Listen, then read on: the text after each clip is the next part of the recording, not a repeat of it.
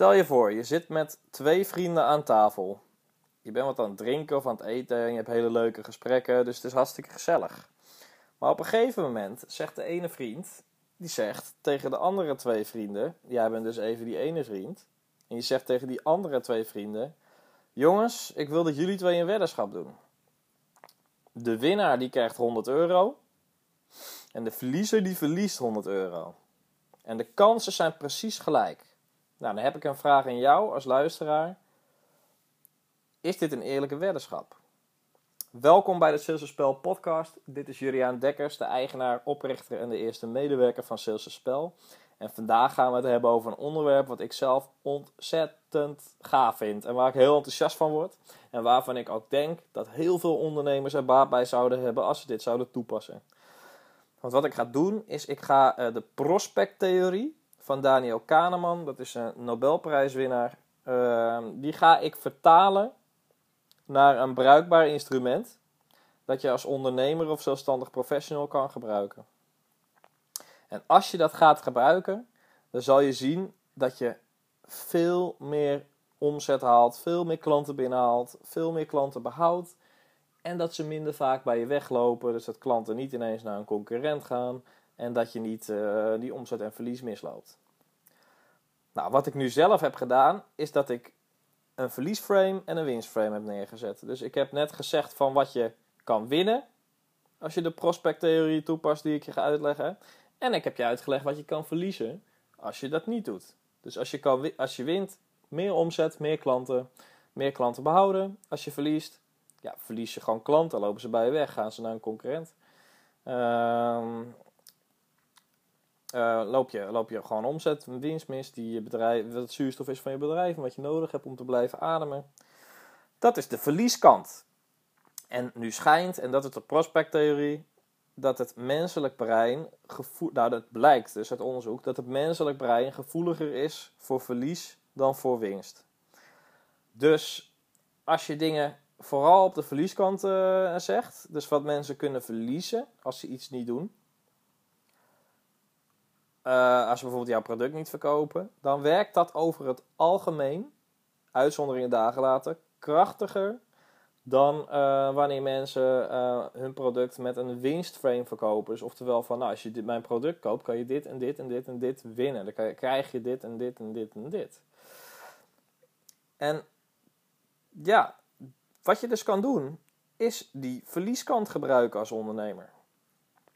En ik zal dit schetsen aan de hand van een voorbeeld, wat ik zelf heb meegemaakt. Maar om het voor jou beter begrijpbaar te maken, zal ik je eerst een voorbeeld geven uit de retail. Kijk, stel je komt in een kledingwinkel. Stel je komt in je favoriete kledingwinkel. Nou, misschien heb je wel een plaatje in je hoofd van, nou, dat is die en dat is die winkel. En je wil donders graag die broek hebben. Je wil heel graag die broek hebben. En wat blijkt? En dat is net even de aanzet om die broek uh, nu te kopen. De broek uh, heeft 5% korting vandaag. Uh, laten we er 10% van maken. 10% korting. Dus de broek die is 50 euro. En je kan hem meenemen voor 45 euro. Dus je krijgt 5, 5 euro korting. Nou, dat is natuurlijk fantastisch. Is heel verleidelijk. En is ook een frame wat veel winkels toepassen. Oftewel van je krijgt korting. Maar wat nou eens, wat zou er nou eens gebeuren als winkels dat omdraaien? Dus als retailers dat omdraaien. En als ze zouden zeggen, de broek is 45 euro vandaag. Maar als je hem morgen koopt, dan is hij 50 euro. Dus hij wordt morgen duurder. Dus je verliest 5 euro als je hem morgen koopt. Dus je kan hem ook nu kopen. Dan hou je 5 euro in je zak. En met die 5 euro kan je, veel, kan je veel leuke dingen doen. Kan je nog even wat eten of drinken kopen in de winkelstraat. Uh, dus waarom zou je hem nu, nu niet kopen? Waarom zou je hem nu niet kopen in plaats van morgen? Want als je hem nu koopt, dan bespaar je 5 euro en dan heb je toch die broek die je toch al wilde. Dat schijnt dus krachtiger, nou dat blijkt dus krachtiger te werken. En ik heb er ook een real life voorbeeld van dat het krachtiger werkt. Want ik heb het zelf meegemaakt. Uh, ik heb het zelf meegemaakt met een opdracht uh, waarin um, werd gesteld van nou, het was dan B2B. Dus business to business. Het was niet zo dat het in een winkel een broek werd verkocht. Uh, maar het voorbeeld daarvan is, is dat er een opdracht stond. En die opdracht, uh, die moest nog betaald worden. Oftewel, er moest nog een akkoord komen, een eindakkoord op die opdracht. En daar waren de nodige twijfels of het door zou gaan. Dus toen was de tactiek van, uh, nou, het is zoveel duizend euro. Um, maar als je voor die datum beslist, krijg je zoveel procent korting. Oftewel, dan is mijn product zoveel procent goedkoper. Lijkt heel erg verleidelijk, hè? Want je stelt een deadline, dus mensen die uh, gaan dan sneller, hè, die denken van, oh, ik kan nu die korting krijgen. Maar je kan dus iets veel krachtigers doen. En er zijn meerdere redenen waarom, dat, waarom ik je aanraad om dat juist te doen. En dat is door te zeggen van, nou, mijn product of dienst die is nu zoveel duizend euro.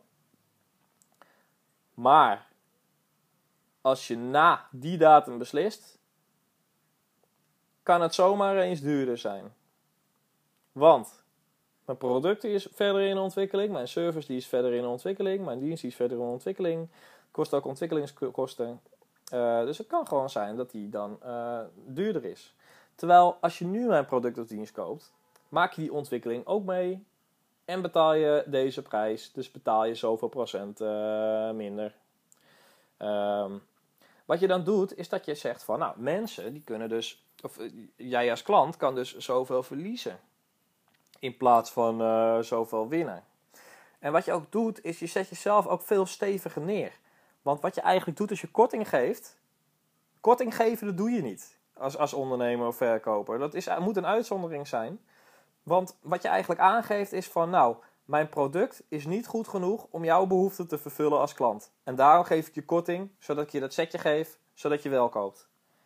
Dat is niet goed. Het moet echt een uitzondering zijn. Echt als een klant uh, echt weinig budgetten heeft of waarbij je toch wel veel kans ziet en uh, waarbij het zonde zou zijn als die het niet zou kopen, dan kan je wel eens een korting geven, maar dat, dat moet echt een uitzondering zijn, joh. Terwijl als je zegt van, nou, mijn product, als ik kijk naar het verleden, wordt mijn product, het wordt gewoon steeds uh, beter, dus het wordt ook gewoon steeds duurder, want het heeft meer waarde. En um, doordat het zich steeds ontwikkelt, um, gaat de prijs ook omhoog. Dus het kan zomaar zijn dat als je het product nu, nu niet koopt, maar volgende maand, dat de prijs 5 tot 10 procent hoger is. Uh, want ik moet dat gewoon doorberekenen in de prijs. Als je dat doet, dan zijn klanten die denken van wauw, hij heeft echt een gaaf product dat altijd in ontwikkeling is. En ik wil niet 5 tot 10 procent meer uh, betalen, want ik wil, ik wil nu dat product, want dat is gaaf. En ik wil niet die 5 tot 10 procent verliezen. Dus waarom zou ik het niet, ja, waarom zou ik het niet nu kopen? Dan maak ik ook die ontwikkeling mee. Nou, dat werkt veel krachtiger en toch, als ik om me heen kijk, iedereen werkt met uh, kortingen en kortingen werken. Kortingen werken wel. Het, zet aan tot gedrag. Het is een incentive uh, om mensen aan te zetten tot gedrag. Zo moet je het ook zien. Uh, maar als je dat als een verlies iets framet, dan is het veel krachtiger. Dat is veel beter om te doen. En dat, ja, het is logisch, want het is onderzocht dat mensen gevoeliger zijn om iets te verliezen dan om te winnen. Ik, ik raad je daarom ook aan om het boek van Daniel Kahneman te lezen. Dat boek dat heet uh, Ons vuilbare denken. En in dat boek wordt nog helderder uitgelegd aan de hand van allerlei voorbeelden um, hoe dat werkt. En wat de neurologische, um, ja, wat de neurologische werking is daarachter. Waarom dat zo is en de psychologische werking.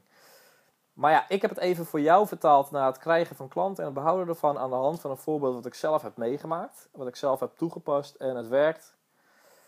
Ik ga je niet zeggen dat het voor jou gaat werken. Het hangt natuurlijk van elke business of product af. Iedereen is uniek, dus je kan het gaan gebruiken. Als het werkt, hoor ik het graag. Zou het heel gaaf zijn. Als het niet werkt, ja, kan je weer terug naar je kortingen. Dan kan je gewoon weer terug naar je kortingen. Dus uh, nothing to lose. Probeer het. Um, in maart komt het e-book uit van Sales Spel. In het e-book ga ik dit ook nog helderder uitleggen. Het e-book gaat vol staan met voorbeelden. Um, met de podcast die verder zijn uitgebreid. Uh, er komen illustraties bij. Er komt van alles bij waardoor jij, als je bijvoorbeeld een klantgesprek ingaat, of voordat je een telefoongesprek doet, of voordat je een mail stuurt, of voordat je een voorstel schrijft, nog even de salesbijbel erbij kan pakken, het salesafspel uh, e-book, de eerste, het eerste e-book. En dan kan je gewoon kijken van, hey, hoe pak je dat ook alweer aan? Hoe pak je dat ook alweer aan? Door een simpele search knop, gewoon search op je smartphone of op je computer, kan je in één keer, wap, verliesperceptie. Oh ja, dat werkt zo. Uh, momenten met sms, oh ja, dat moet ik zo doen en niet zo. Dan kan je gewoon in één keer opzoeken. Als je hem niet koopt, ja, dan verlies je die tips. Dan verlies je net die ene doorslaggevende tip die je wel eens kan helpen om het verkooptraject uh, te laten slagen. Ik wil niet zeggen dat je verkooptraject dan niet lukt. Maar waarom zou je niet uh, voor die 100% gaan in plaats van voor die 90%? Dus waarom zou je niet in godsnaam um, toch even die, dat, dat boek naast je hebben liggen of op je smartphone willen hebben? Zodat je gewoon zeker weet dat die deal doorgaat. Bepa beslis zelf. Het, je moet het zelf weten of je het doet. Um, ik bespaar je graag tijd, energie en winst. Goed, ik denk dat het wel helder is. Um, dit is de Sales Spel podcast van deze week. Aflevering 8 alweer. Aflevering 8. Het gaat hard. Er komen er veel meer. Het worden er 100. Het worden er veel meer trouwens. Uh, ik ga geen doelen stellen, heb ik ook uitgelegd. Wat, uh, waarom niet. Maar het worden er heel veel. Bedankt voor het luisteren en tot volgende week bij de Sales Aspel podcast.